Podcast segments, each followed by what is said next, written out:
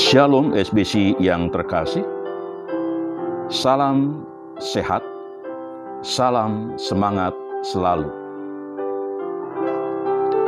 Sungguh bersyukur pada hari ini kita kembali dipersatukan dalam persekutuan doa pada hari ini. Rabu tanggal 2 September tahun 2020.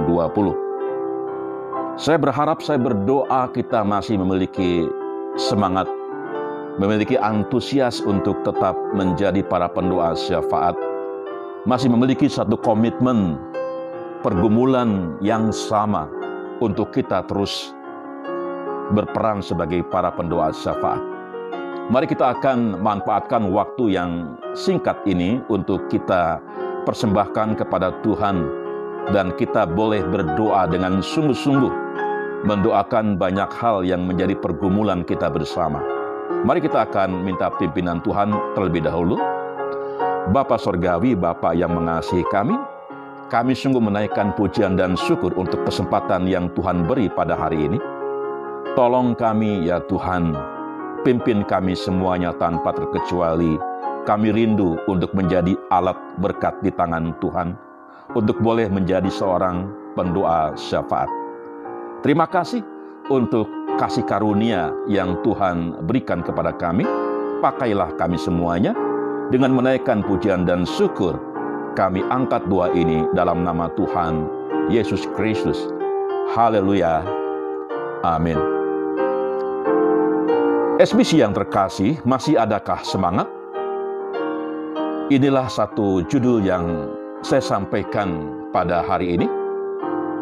Kalimat ini barangkali mungkin memberikan kepada kita satu pertanyaan atau evaluasi bagi diri sendiri.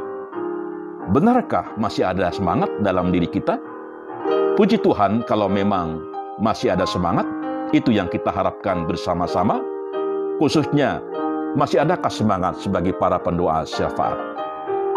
Seringkali kita mendengar kata-kata atau seruan, tetap semangat Seringkali kita mendengar seruan ini dan kata-kata motivasi ini di suatu komunitas, perkumpulan, bahkan dalam gereja.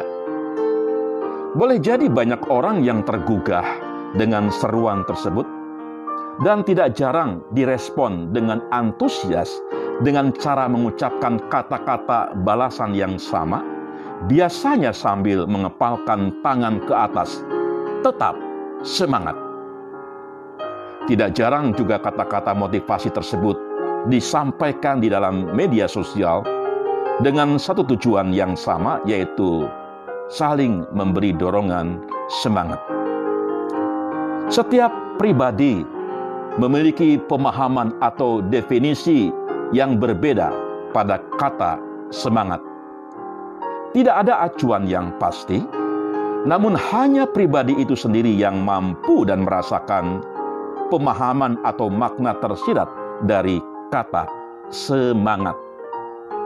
Sepertinya kata semangat itu bisa memberikan pengaruh yang positif, apalagi jika disampaikan juga dengan antusias.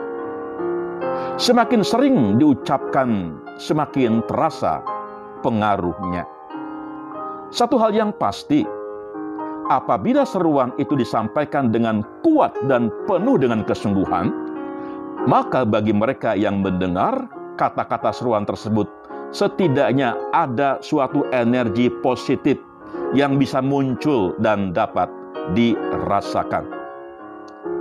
Yang menjadi pertanyaan sekarang adalah, kalau pada saat ini ada di antara kita yang sedang mengalami yang namanya patah semangat, bahkan kehilangan semangat, apakah yang harus dilakukan? Apakah akan terus-terusan membiarkan hidup berjalan tanpa ada rasa semangat? Dalam Kamus Besar Bahasa Indonesia, semangat diartikan sebagai giat, bergairah, bertenaga. Artinya kalau kita kehilangan semangat itu akan membuat tenaga kita menjadi berkurang. Apalagi sudah tidak semangat ditambah lagi terus-menerus mengeluh, terus-menerus komplain. Maka indikator seseorang yang kehilangan semangat atau patah semangat akan jelas terlihat dari kalimat-kalimat keluhan, kata-kata keluhan, kata-kata komplain yang terus diungkapkan. Di dalam Alkitab sendiri sudah dikatakan dalam Amsal pasal 18 ayat 14 mengatakan demikian, orang yang bersemangat dapat menanggung penderitaannya. Tetapi siapa akan memulihkan semangat yang patah? Dengan jelas di ayat ini dikatakan pengaruh negatif saat kehilangan semangat. Sadar ataupun tidak sadar, ketika kita sudah tidak memiliki semangat lagi, semua yang kita lakukan terasa lebih berat. Bahkan bisa jadi kita sudah tidak tahu lagi tujuan mengapa kita harus melakukan hal tersebut dan semua terasa hampa atau kosong. Saat kita bertanya, apa yang harus kita lakukan saat kita kehilangan semangat? Jawabannya hanya ada satu. Kita membutuhkan Tuhan. Hanya Tuhan jawabannya. Mengapa? Karena Dia yang menciptakan kita, jadi Dia pasti tahu bagaimana mengembalikan semangat di dalam kehidupan kita.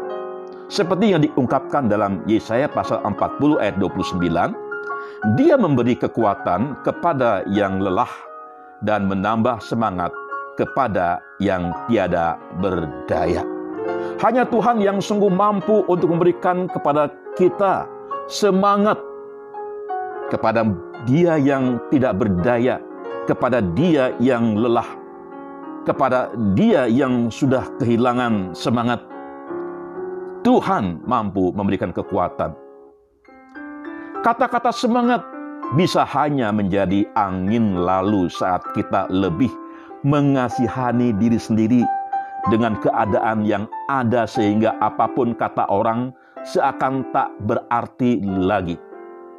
Ada banyak orang, perhatikan, mereka selfish, mereka mengasihani diri sendiri, Ketika seseorang mulai mengasihani diri sendiri, maka di situlah kita melihat semangat makin lama makin pudar, bahkan hilang lenyap.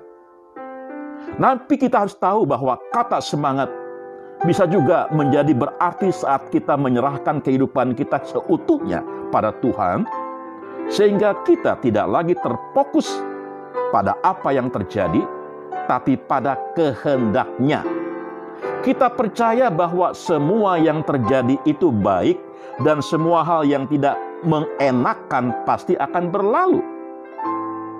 Kita percaya bahwa kita berada di tangan yang tepat. Karena itu Amsal 17 ayat 22 pun berkata demikian. Hati yang gembira adalah obat yang manjur. Tetapi semangat yang patah mengeringkan tulang. SBC yang terkasih, masih adakah semangat?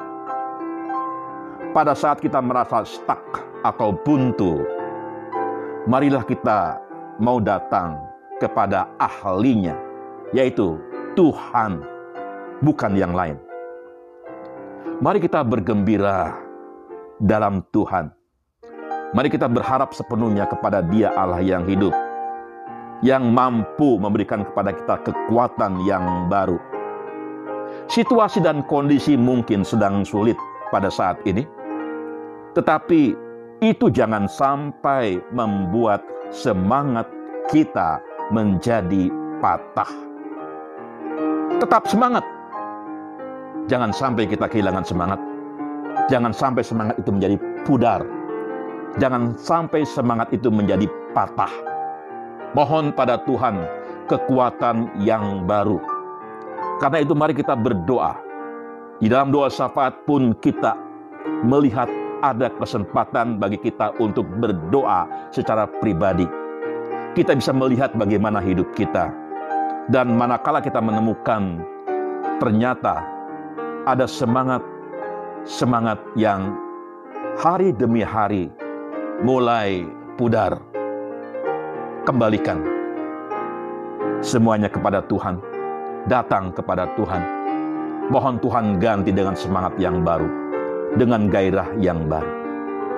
Kiranya Tuhan memberkati kita sekalian, dan kiranya renungan firman Tuhan ini memberikan kepada kita dorongan, untuk kita tetap memiliki semangat.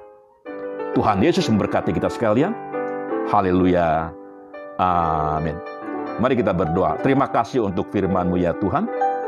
Kiranya firman ini memberikan kepada kami dorongan yang kuat untuk tetap boleh melihat Tuhan, memandang Tuhan dalam setiap kehidupan kami, dalam setiap tantangan persoalan yang kami hadapi, dalam setiap beban pergumulan yang kami alami, supaya kami tetap memiliki pengharapan dan semangat baru di dalam Tuhan.